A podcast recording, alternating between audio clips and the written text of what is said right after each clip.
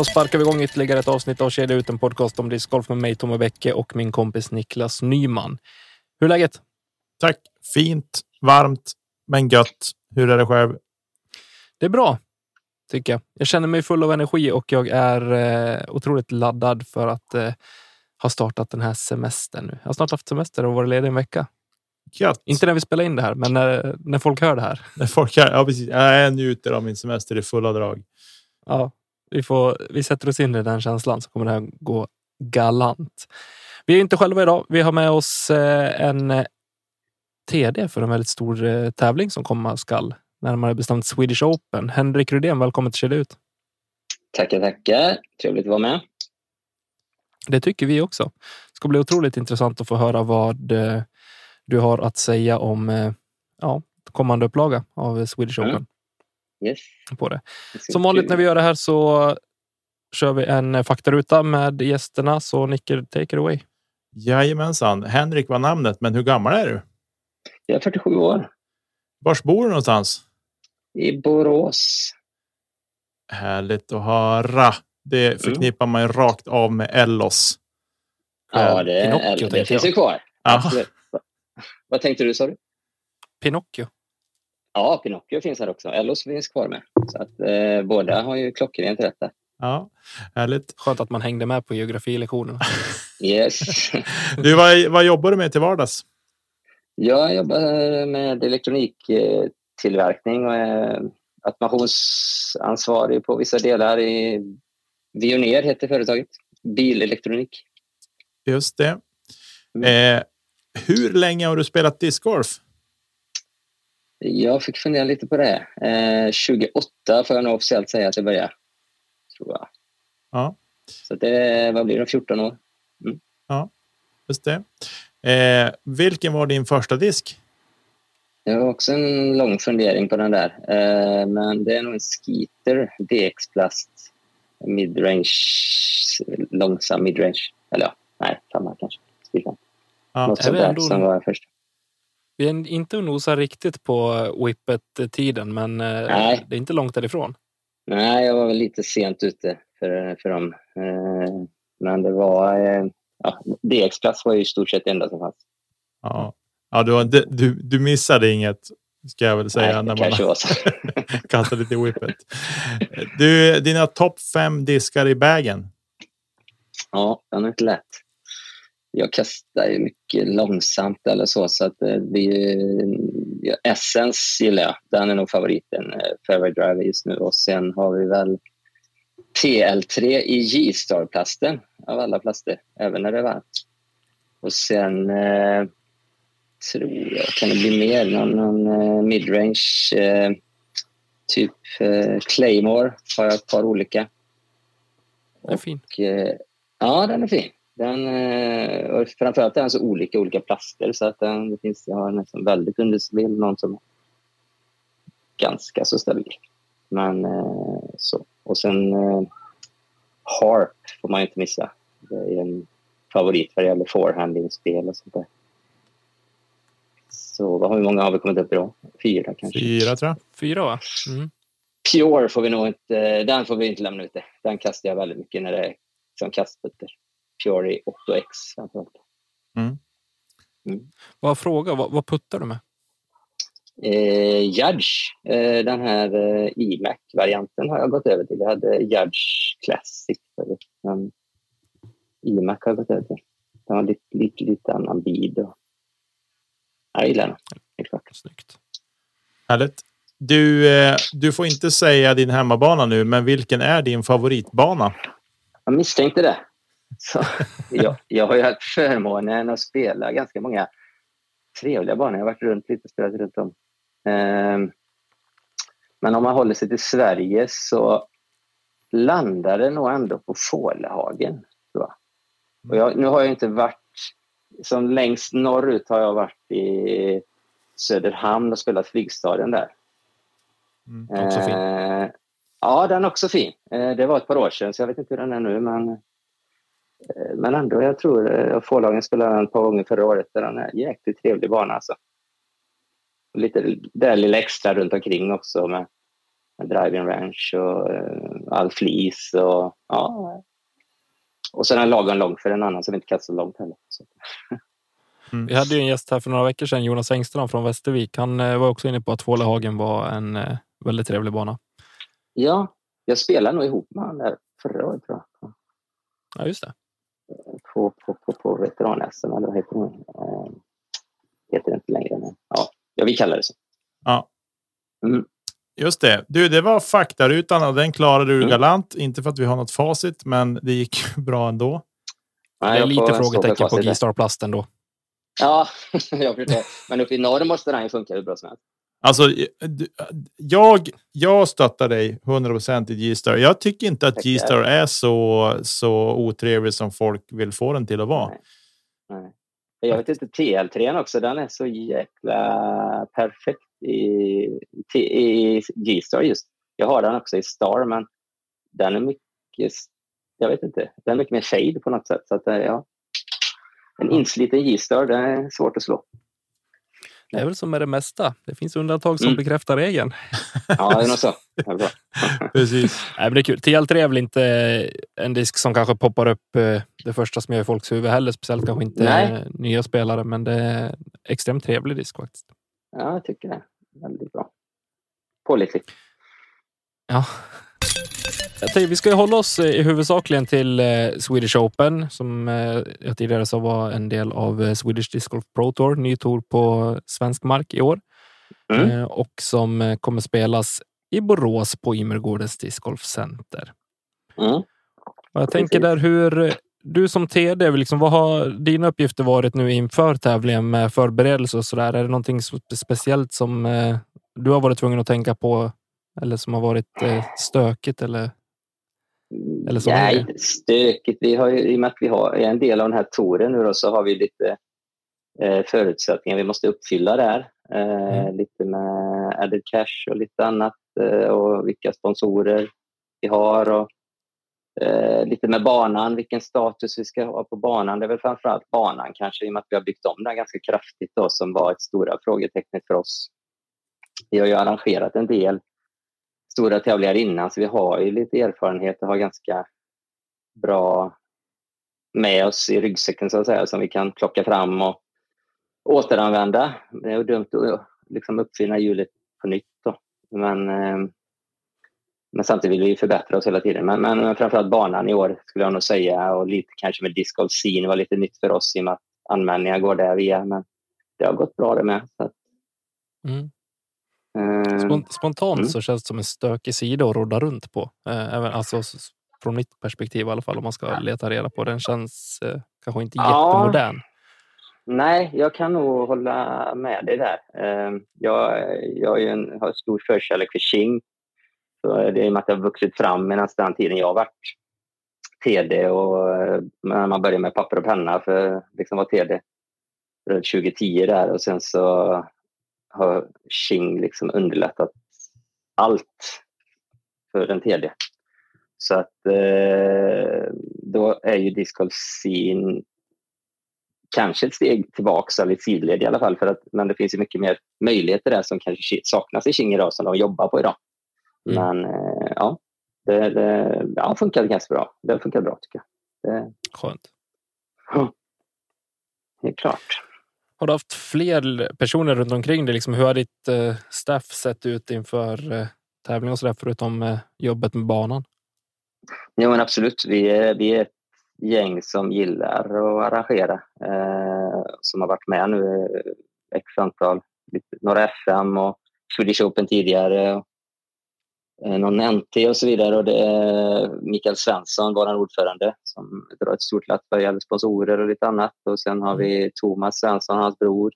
Och sen har vi ett gäng som försöker dela upp det lite på, på någon sköter funktionärer och försöker dra in det och någon försöker uh, rodda lite mer i banan. Så så att vi, vi är ganska bra stab, får jag nog säga, på en, säg sex, sju stycken just nu. Och så. Ingen nämnd, ingen glömde, men, men det, det är gott gäng tycker jag. Jag gillar det här med listor och tydliga ansvarsfördelningar. Det, mm. Då går jag igång. Ja, vi som... försöker ha det lite som ett projekt. Jag är lite projekt projektledare bara egentligen som TD tycker jag själv. Då. Eh, och mm. så får, sen gör jag ju mycket också men eh, det är inte, man försöker få andra att ta liksom ansvar och det, det funkar bra i vår förening i alla fall. Vi är en ganska stor förening. Så att, eh, sen är vi några stycken som gör lite extra men det, ja, vi tycker det är kul så då funkar det. Det är väl förutsättningarna för det också kan jag tänka mig. Ja. Just det här att eh, som TD kunna vara som ett slags, eh, ja, men, ha ett litet helikopterperspektiv eh, och se till ja. att ändå alla lösa trådar binds ihop till ett, eh, till ett nystan och ändå faller ut Precis. som ett, en bra produkt i slutändan är ju jätteviktigt. Ja. Och de lösa enda som faller bort från mig, de snappar Mikael Svensson upp så att det är perfekt. det är grymt. Ja, ja. Det är bra. Men du sa, är det, du nämnde det här med sponsorer och förutsättningar som ni behöver uppfylla inför eh, eventet. Mm. Och så här. Är det saker som ni måste sköta lokalt eller har touren någon form av men, färdiga sponsorer som sponsrar hela touren eller är det bara enskilda tävlingar inom, inom touren? Då? Det, no, det har varit eh, eh, lite från början skulle det varit någon som sponsrar hela touren, men sen har det blivit olika deltävlingar som har haft olika sponsorer. Var, vi har ju en titelsponsor då, som är Discmania och sen så har vi, sen har vi lokala sponsorer i fyra stora egentligen som vi har dragit in själva. Och det är, vi sa det redan från början att vi vill, Swedish Open är liksom vårt brand om man säger så. Vi vill rodda så mycket vi kan själva i det och så mm. har vi fått fria händer av Böje då. Eh, sen, men att vi håller oss under hans paraply och lite ja, styr, han styr lite grovt då. Så att det har varit ganska bra kommunikation och samarbete tycker jag. Mm, gött. Jag ska vara mm. helt ärlig, för, för mig var det, jag såg det nu tidigare i veckan att eh, det gick mm. under Swedish Disc Golf Pro Tour. Jag trodde att det var ett fristående event ja. innan. Så ja. det var dåligt påläst av mig innan, men som tur var så hann jag märka det innan idag. Just. Ja, vi hade ju 2019 och då var det helt fristående. Då var det mer en idé som poppade upp året innan att vi ville skapa någonting kanske lite nytt i disco-Sverige just då. En mm. tredagars tävling med tio, tio times tre dagar. Liksom. Eh, det var inte så vanligt då. Nu har det ju svängt lite. Så att, eh, vi var väl lite, kanske lite föregångare just då. Men, eh, och då ville vi hålla kvar vid det konceptet och det passade bra in i touren. Och så fick vi en fråga från Mikael. Då.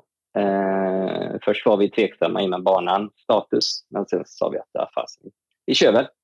Eh, och det har, eh, ser ut att gå ihop. Mm. Vad tycker du om, om just den formatförändringen? Nu, ni gick ju lite grann i bräschen, det får vi ju säga. Mm. Eh, yeah. Eftersom att ni var ute redan 2019 med det här i Sverige. Vad tycker du om det formatet? Ja, men jag, jag gillar den på alla sätt. Om jag skulle varit spelare hade jag gillat det tror jag. Jag har inte spelat någon sån tävling själv tror jag inte. Men, men eh, jag, och som TD, det är ju under evenemanget är det ganska så behagligt. Alltså visst, du, du har ropar ut lite eh, tea time så du ska hålla koll på spelarna dyker upp. Och, men alltså det här stressen mellan runder eller att eh, få ihop folk som kommer eh, exakt alla ska vara klockan eh, nio när det liksom shotgun-start. Och det blir en helt annan upplevelse för jag tror hela organisationen också. Att det det flyter på i ett lugnare tempo, liksom, även om det kan vara mycket mer spelare kanske. Eller sådär. Så, mm. jag, jag tycker det bara är positivt. Sen är det ju en fredag som, och så kanske folk behöver ta ledigt på torsdagen, så att det är klart att det är tufft. Så sett. Men jag tror det är helt rätt utveckling, skulle jag nog säga. Mm. Ja, jag är helt Speciellt, enig. Från, ja. Ja. Om jag ser det från spelarperspektiv också, så jag har upplevt de NT när jag varit på att som sagt att spela kvaliteten och eh, framförallt eh, kvalitet på spelarna hos toppspelarna har varit bättre mm. eh, än tidigare. Ja. Eh, ja. Och då är det just på grund av, eller med hjälp av det här som du är inne på, att eh, stressen mellan, mellan rundorna som kanske ofta mm. spelades två på en dag. Ja. Eh, så finns det med. Och då, ja, i vissa fall tyvärr kanske man får offra en, en arbetsdag på för en eller två för träningsrunda också.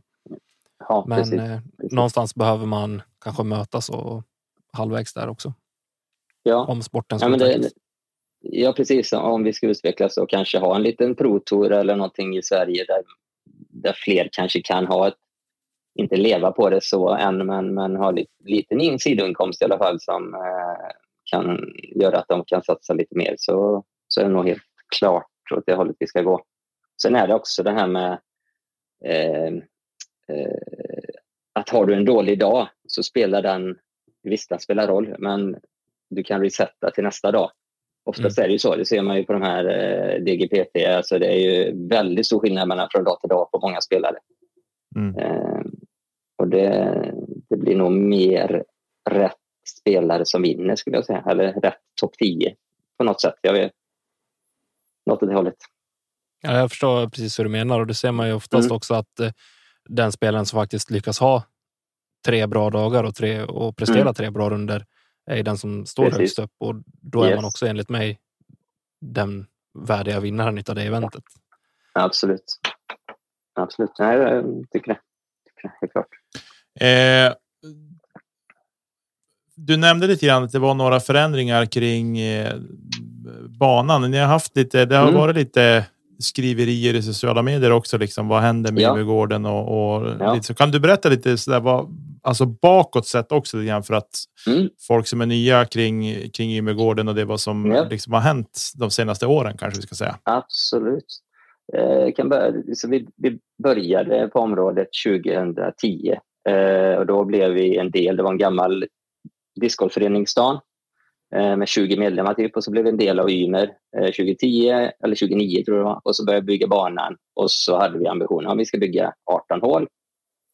Och sen så Micke som är visionären här, han tycker att ja, vi ska ha 27 hål. Ja, så byggde vi det och så, sen var planen liksom att vi skulle ha 36 hål och eh, vi har kommunen med oss och, och allting sådär. Men sen, sen har vi ju haft, vad var det nu, hål 12 till 18 på skidstadieområde egentligen då.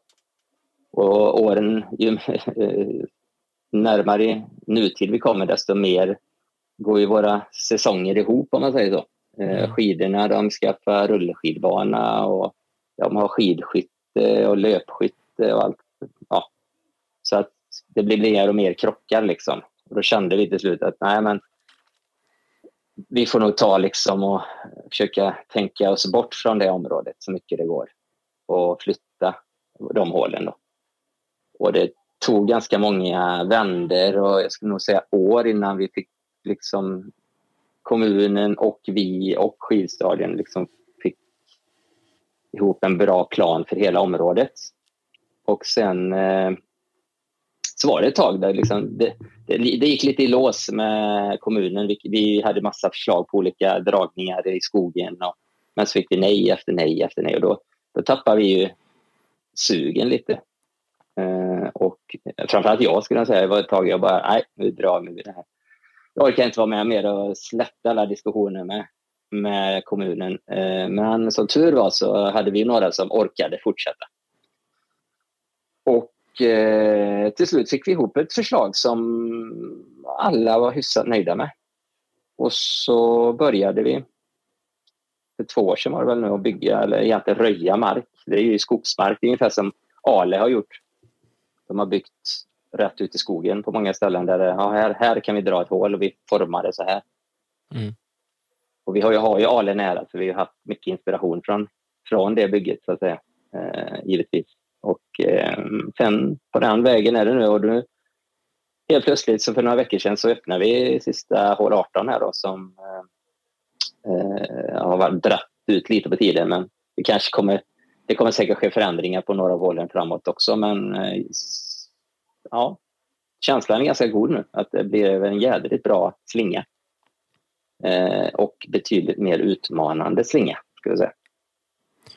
Jag så tänker på det eh, i mm. just i kommunikation med kommun och så där. Vad mm. enligt dig, vad är det viktigaste liksom i att föra fram i kommunikation med kommun och markägare för att eh, ja, men kunna komma fram till en lösning helt enkelt? Ofta så eh, vad jag ser i sociala medier framför allt så är det att folk upplever utmaningar i kommunikation med, med kommun mm. eh, ofta. Eh, vid just eh, banbyggeri och sånt. Absolut, eh, och det är nog Eh, att, att ha någon person i föreningen som är väldigt mycket jag ska säga, diplomat, det är viktigt. Eh, vi har Mikael Svensson som, som jag vet inte riktigt hur han orkar i längden, men, men just att se möjligheterna och kanske vrida och vända på saker och ting tillsammans med oss andra. Eh, tills man... För det är mycket sådär, vi, vi har ett område där vi, vi arrenderar nu då eh, marken. Så mm. vi får ju fria händer, om man säger så, till en viss grad på fairway kan man väl säga. Och lite utanför. Och sen så, men skulle vi vilja flytta en korg liksom 20 meter eh, så ja, då måste vi fråga kommunen. Eh, vissa träd måste vi eh, skydda till exempel och så vidare. Men, men det gäller att man får dem att förstå att det faktiskt är en riktigt, riktigt bra sport för folkhälsan, tror jag. Alltså alla kan ju spela. Vi har så många exempel i vår förening som på stillasittande personer som har kommit ut och börjat spela och fått en hälsa, både psykiskt och fysiskt, liksom, eh, ett lyft av hälsan.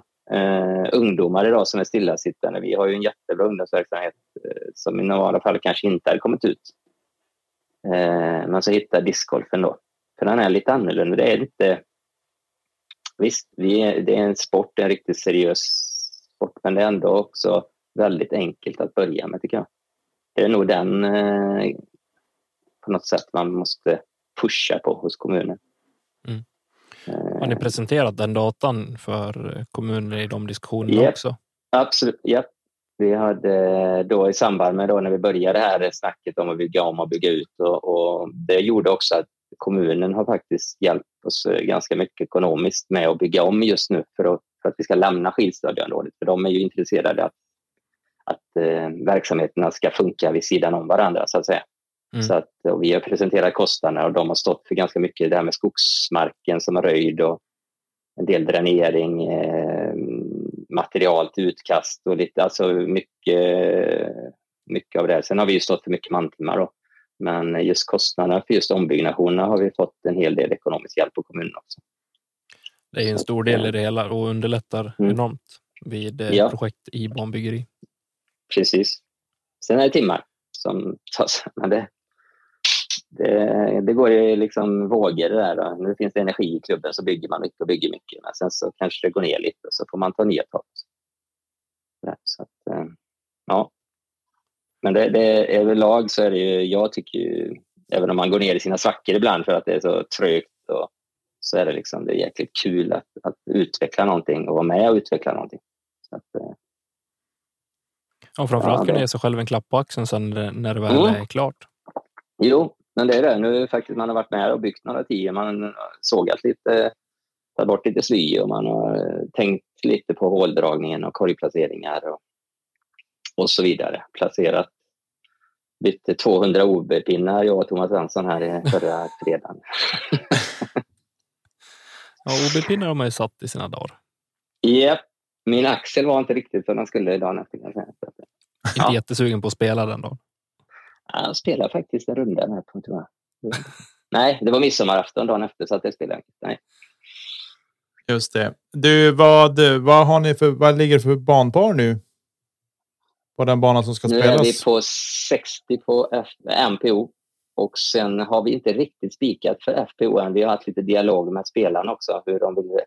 För vi har ju ingen FPO-layout, vilket då kanske eh, långsiktigt ska utvecklas på banan. Eh, så några hål är ju rätt tuffa eh, parsättning på, framförallt då för FPO, så att det blir ett anpassat par där. Mm. Men jag skulle tippa på att det handlar runt 65 kanske för FPO. Mm. Mm.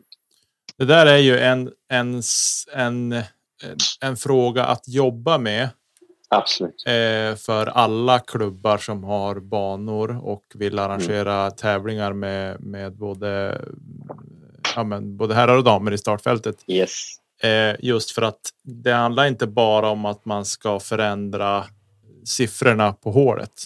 Nej. Utan absolut. det handlar ju så mycket om också liksom, vad får man för landningszoner? Vad, mm. alltså, vad är det yeah. för sådana förutsättningar? För det ska ju, hålet ska ju bli bra även för dem. Inte bara att de mm. får ett kast till på sig för att lösa Nej. paret. Utan, Precis. Eh, så det är en jätteviktig fråga att ta med sig som banbyggare och klubb att tänka mm. i de banorna. Inte bara tänka att ja, men vi ändrar bara paret. Eh, Nej. För det blir Exakt. inte rätt. Eh, Nej, jag håller helt med. Och det, det var faktiskt ett av de här, inte krav, men lite så från, från eh, Mikael Buvi då, att, att vi skulle ha en anpassad FPO-layout. Eh, vilket vi tidigt sa att vi kommer nog inte mäkta med det. Och vi, vi vill inte slänga ut en matta någonstans med tillfällig tid och kalla det för ett FPO-tid. För det känns som ett sämre alternativ än att, att ge dem kanske ett kast till på ett hål. I, i våra tycke i alla fall. För att kvaliteten på det utkastet kommer aldrig bli lika bra. Och det har vi mm. nog fått medhåll från en del som vi har frågat, diskuterat med, med, med damer. Då. Eh, men eh, det är, det är en balansgång just när vi har en nybyggd bana och inte har möjligheten med än. Då. Eh, vi har inga nerritade planer, men vi har en del idéer på vilka hål vi ska ha ett eh, fronttid på i framtiden här. Mm. Jag tycker framförallt att det är bra att hålla den eh, kommunikationen med spelarna specifikt också, mm. så att de har yeah. någonstans erfarenheter att komma och, och tycka till med också. Ja, och vi har haft ungefär 50-50 av de som har tyckt till, eh, av de spelarna som är med hos oss. Mm. Eh, på eh, ändrat par, samma. Det, är också, det finns ju nackdelar, eller inte nackdelar, men då, eh, i och med att det är få damer så, så blir det bara, man räknar rating bara bland dem då i så fall. Det blir en egen layout eh, ratingmässigt. Eh, mm. Om det är en för eller nackdel är jättesvårt att säga. Eh, det, finns, det finns lite olika aspekter på det hela, men, men eh, jag tror också på mycket på anpassade layout. Jag, jag, jag, säga, jag spelar ju, jag kastar inte så långt, så jag kan ju förstå liksom att, och vilja ha de här landningsytorna som inte finns idag på några håll. som jag skulle behöva själv också. Eh, så att eh, absolut så. Mm. För att det skulle bli roligare att spela hålen. Och det är väl lite kommentarer som vi har fått på banan att gemene man som spelar kanske inte tycker Ymegården är jätterolig att spela just nu. Vi har ju en röd layout också med nio hål som är separata. De är ju fortfarande väldigt trevliga för vem som helst att spela men det blir en jäkligt stort steg att gå upp och spela Guldbanan. Då. Mm. Att, eh, och här är ju det här är ju här. Vi pratade om om det för något avsnitt sedan om det här vikten av att föra statistik på mm. tävling.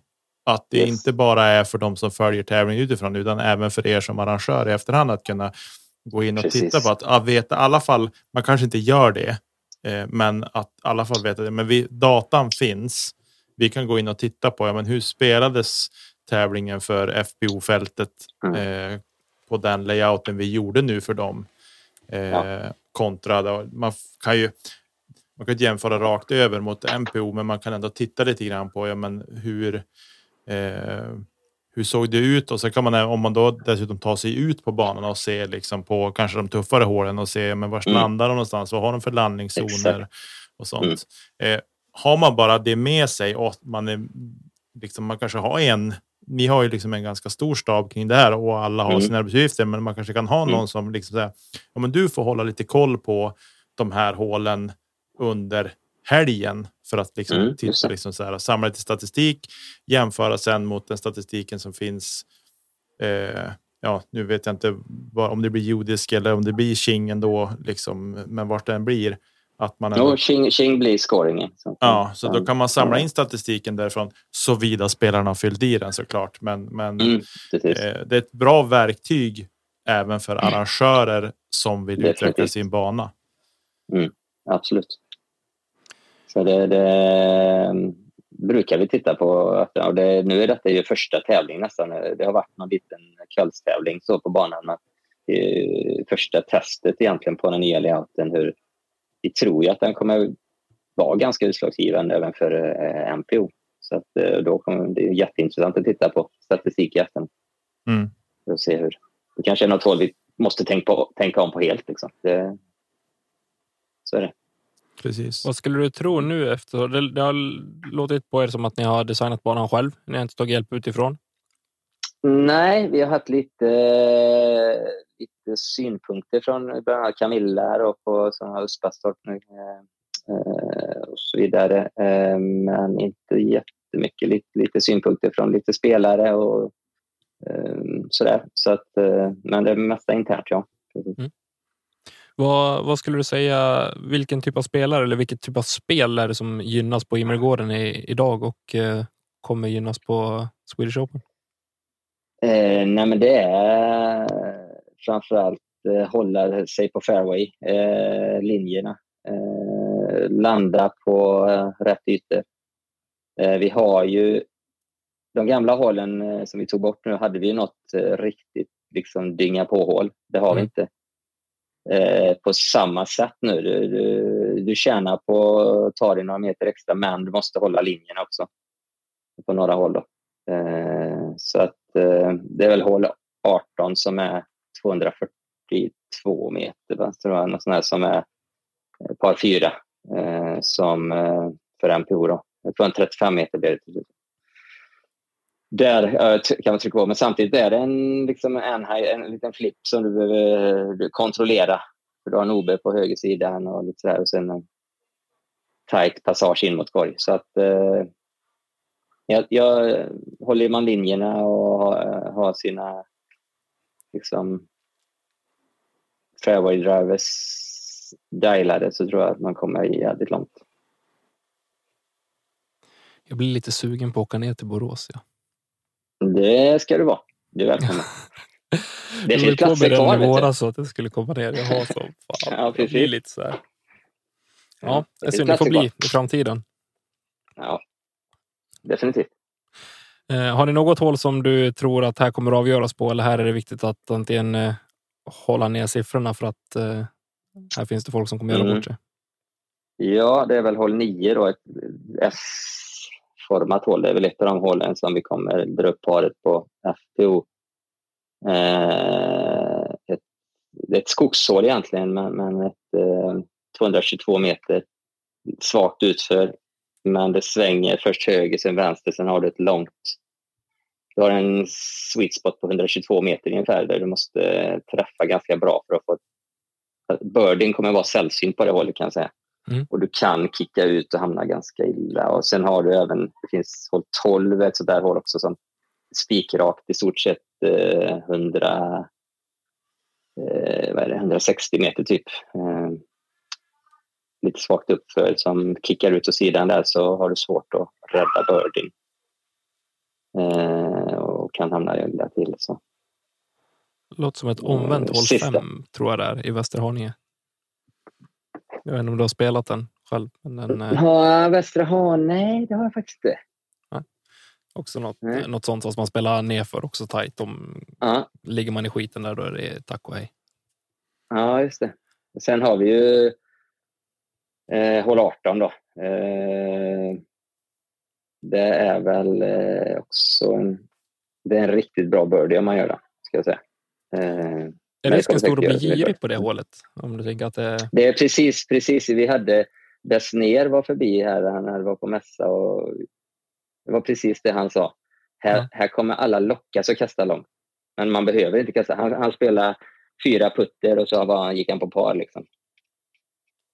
På det hållet. Så att eh, definitivt eh, hålla Det är 235 meter. Och så först går det lite utför och man ser ganska långt. Man kan se disken flyga liksom 180 meter om man vill. Men man behöver inte. Ja. Så det, det, är typiskt sånt. Så flippar du ut och går OB istället eller, eller hamnar i skiten. Så, ja. Återstår att se vem som sväljer stoltheten med andra ord. Mm, precis. Kanske så man får se det. Jag tänker att vi ska ge oss in i spelarfältet då inför Swedish Open mm. och kolla lite grann på Just anmälningslistorna där. Och yeah. vi behöver inte rabbla igenom hela, men om vi börjar på MPO så är det planerat att eh, Linus kommer hem till eh, vi hoppas det, ja, bakgården. Mm. Mm. Eh, och han får ju sällskap av en hel del norskar. Eh, ja, tror du att det är här någonstans guldet kommer hamna eller har, vi, har du någon bubblare?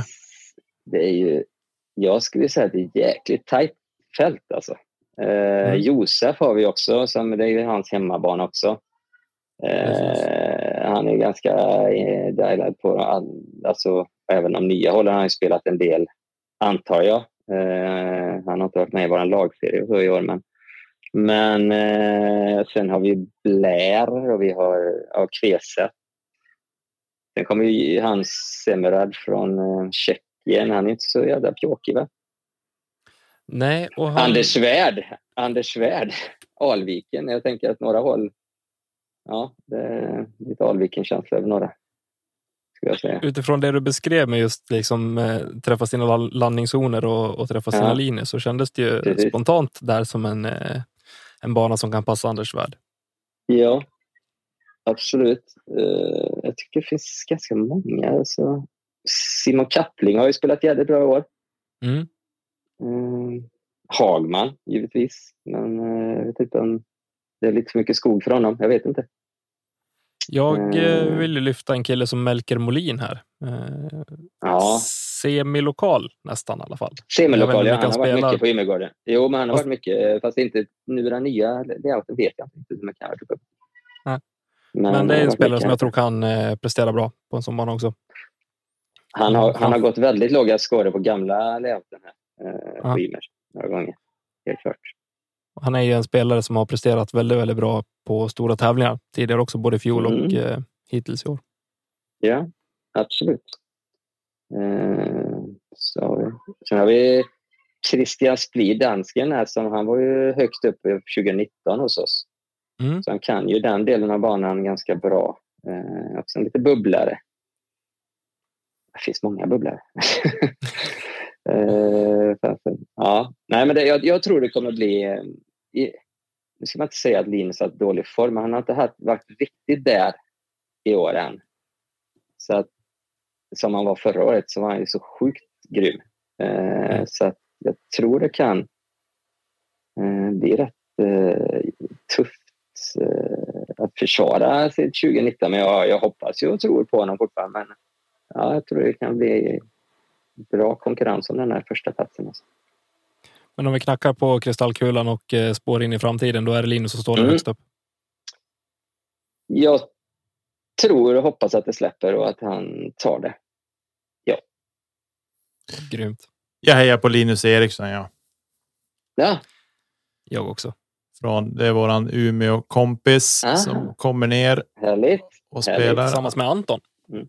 Eh, han ja. är eh, en eh, riktigt, eh, riktigt duktig spelare som lite så här, flyger under radarn på ett sätt och ett sätt så gör han inte det. Men han är en otroligt duktig spelare. Han har presterat bra här uppe i Norrland eh, och så. Så det ska bli kul att se honom mäta sig med med de bästa där nere hos er. Ja, absolut. Men det, är kul för det är ganska bra spridning på spelarna. Det, det, det är kul. Eh, det är inte bara liksom lokalt här runt om utan det är från verkligen hela, många stora delar av Sverige och då, vad är det, sju olika länder, eh, inklusive Sverige. Då. Så att det, det är kul. Mm. Eh, kommer det vara någon coverage på något sätt? Kommer det att filmas det här? Vet du det? Tanken var ju det. Det var lite eh, synd. Vi hade, det var ett produktionsbidrag som drog sig ur i sista sekunderna där så det blev lite svårt. Men det kommer bara eh, post coverage av eh, både FPO och MPO finalrunder. Just det. Så det enda då tyvärr. Det skulle varit egentligen varje dag eh, men eh, det blir inte så. Och sen så eh, har vi väl, får ni följa på Facebook, våran eh, mediaguru, även där Mikael och Svensson som kommer säkert köra lite live på Facebook. Mm. Kul. Mm. Om vi vänder oss till damsidan då. Matilda Ringbom gör mm. singelpremiär. Yes. Som eh, vad jag vet. Hon eh, kör ju par-SM och eh, sen ner till Borås. Mm. Eh, och sen har vi ju Sofie Björlycke som var nära att knäppa Kristin Tatar på näsan i, på Järva. Yes. Vart tror du deras största utmanare finns i det här fältet? Ja, det är väl Hanna Jansson, det inte det? Om hon nu kommer. Jag var lite... Fick något kryptiskt mejl av henne här, men jag hoppas verkligen att hon kommer. Eh, men annars jag ser jag nog Sofie som den... Hon, hon, har, hon, hon kan Nymegården ganska bra. Hon var där och spelade inte så länge sedan. Så. Mm. Gillar gillar banan, så jag tror hon blir rätt svår att slå. Alltså. Mm. Sen har vi några lokala här, Kajsa, Tilda, Sara här, lite i meriter som, som spelar mycket på Ymer. Eh, som är, men de, de, de har någon bit kvar.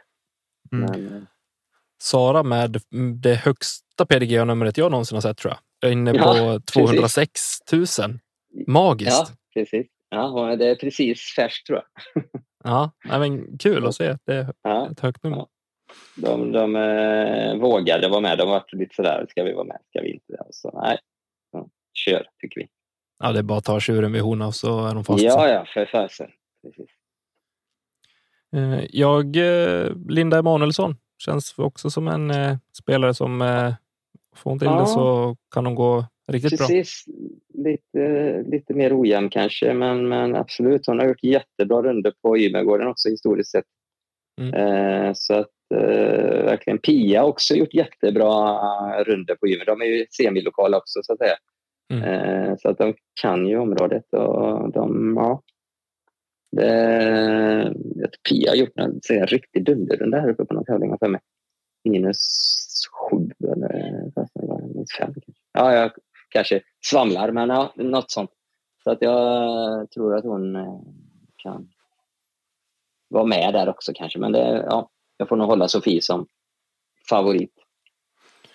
Jag tror vi är överens där alla tre mm. faktiskt. Mm. Att eh, det luktar favoritskap kring, eh, kring henne. Mm. Grymt. Jag tänker att vi ska hoppa vidare och in på sluttampen mm. här. Men jag tänker att vi har ju pratat om det ganska mycket förr, eh, jag och Nicke här i podden, men det är sällan vi kommer fram till någonting nytt sinsemellan. Men ja. förutom det vi var inne på med eh, kommunikation med kommun och så här, liksom, vad är dina tips till andra TDs där ute som eh, vill anordna en tävling oberoende storlek? Eh,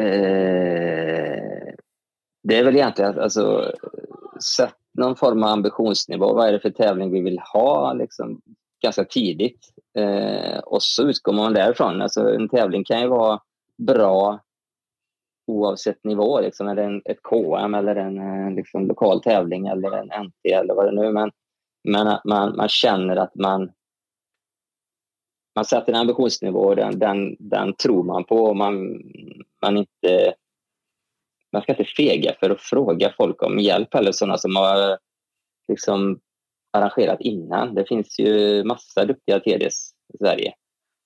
Och ja, alla är nästan villiga, alla är villiga att hjälpa till och svara på frågor. Jag har haft många som har frågat mig också genom åren och det tvekar aldrig på liksom, att ge några tips eller råd och så. Eh, vi har ju, så, så jag tror att det är just det, fastän det, man ska inte säga att det är lätt, men jag, alltså det är rätt lätt att arrangera en tävling. Tycker jag. Man ska inte vara rädd för att, att, att göra det. Liksom. Eh, utan, eh, det, visst, det tar lite tid, det tar lite energi, men det, det, alltså det man får tillbaka sen från spelare och sånt som kommer, det, man får tillbaka det. Liksom. Så man givetvis har ett... Man ska inte vara själv. Det tror jag är ganska viktigt. Man, man behöver ha, oavsett nivå på tävling, minst två personer. Liksom.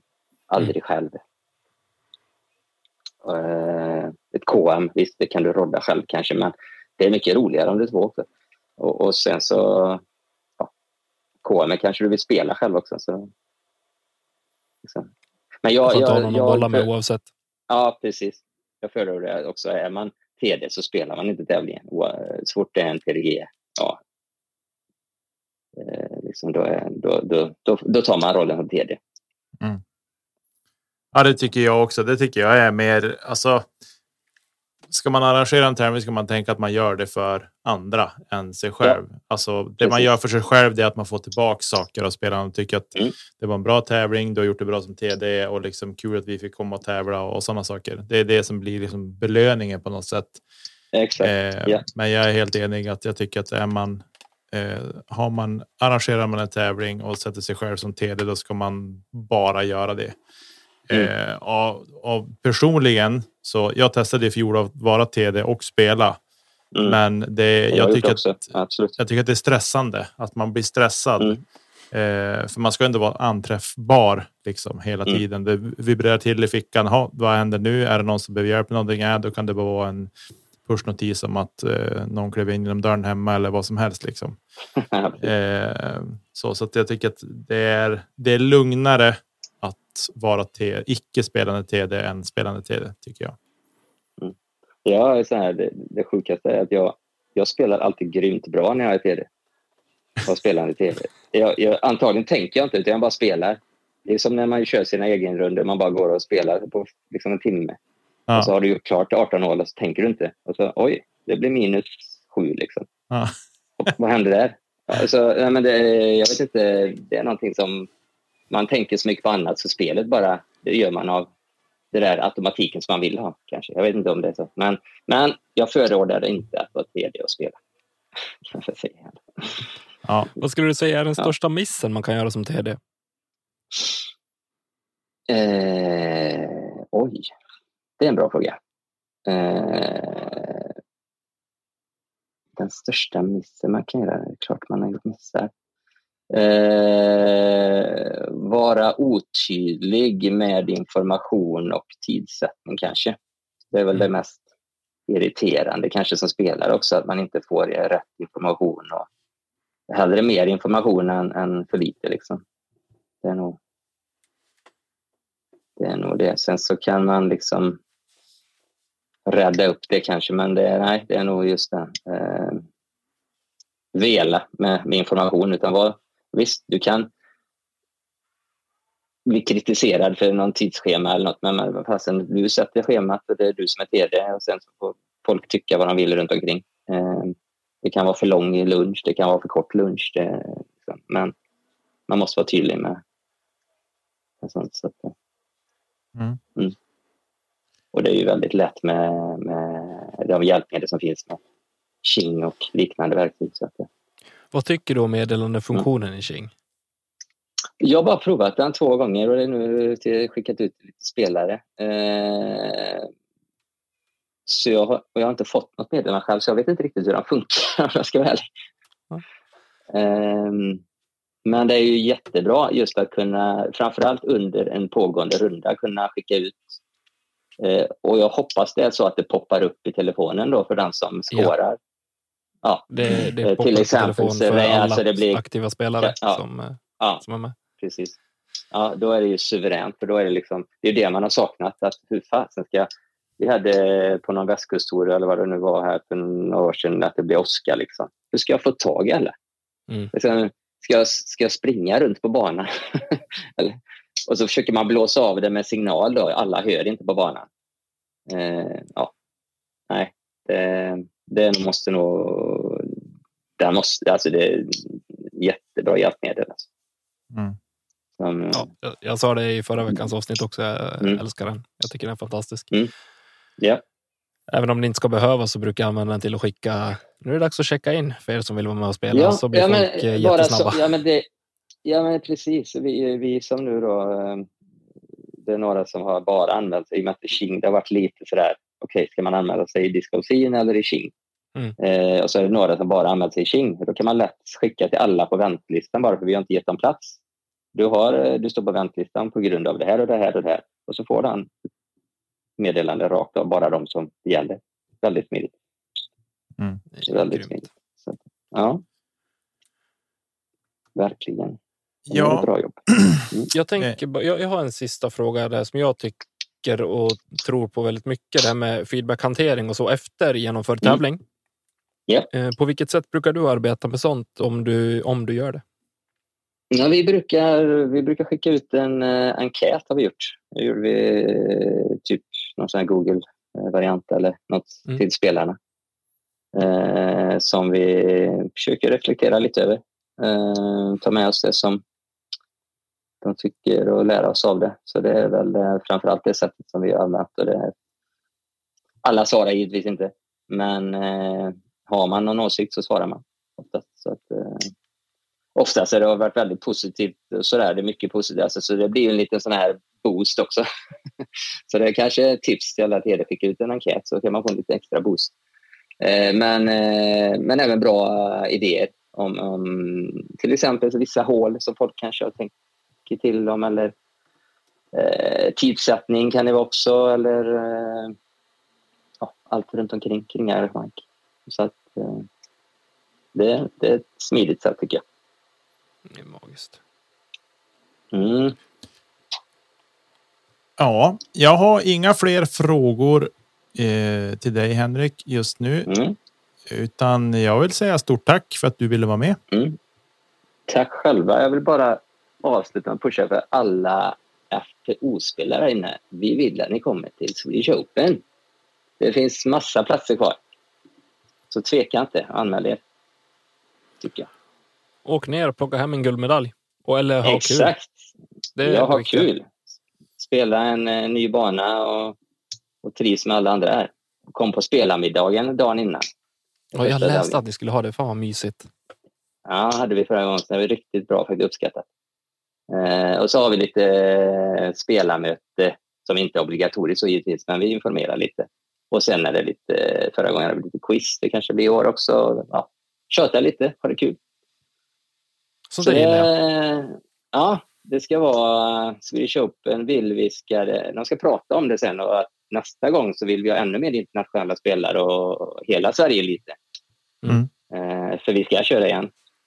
Och att vi har lite högre ambitioner än kanske att bara vara med i svenska discgolfprovtouren. Mm. Givetvis. Vi vill kanske bli en del av Europatouren om det blir nästa år eller året därpå. Eller, men någon gång. Mm. Och det var Då ska jag resa till Borås i alla fall. Det tycker jag definitivt. Tycker jag. Så får sambon säga vad hon vill. Ja, ja, hon kan komma med. För fasen. Ja, Borås är trevligt. SO-byn som vi har skapat. Vi har ju en liten by för alla i, på campingen också. Alltså, Som, eh, läckert. ja, OS-by kan man ju ha på en SO-by istället. Så att det är lite Göteborgsskämt över hela det. Nej, men det, Ja. det, vi tror eh, vi är på rätt spår. Sen så finns det alltid utvecklingspotential. Och det, eh, men det, vi hoppas att alla kommer trivas. Och gör man inte det så vill vill vi ha feedbacken på att eh, vad är det man vill se för att de ska trivas bättre. Det tror jag är jätteviktigt om det är någonting som inte, som inte funkar eller som man tycker inte Ja. funkar mindre bra. Eh, Precis. Vet man inte om någonting så är det svårt att göra någonting åt också. Ja, så är det. Och då, eh, vi tar till oss allt, både positivt och negativt, och så försöker vi göra det bättre nästa gång. Även om vi inte har landat det här året än. Men, men eh, någon gång kommer vi göra ett försök till och då ska vi snappa upp oss ytterligare. Låter grymt. FPO-spelare, anmäl er till Swedish Open. Åk Mm. Yes. ner till Borås, ha kul och eh, Ja. stort tack Henrik att du ville komma och gästa oss i Kedja ut. Tack själva och tack för en grymt bra podd. Jag lyssnar ganska ofta i alla fall. Kanske inte varje gång, men eh, rätt ofta. Mycket Det trevligt. tackar vi för. Ha det gott nu. Detsamma. Detsamma. Ta hand om er ute i Sverige och eh, häng med oss nästa vecka. Då blir det någonting annat. Hej då! Hej då. Hej, hej.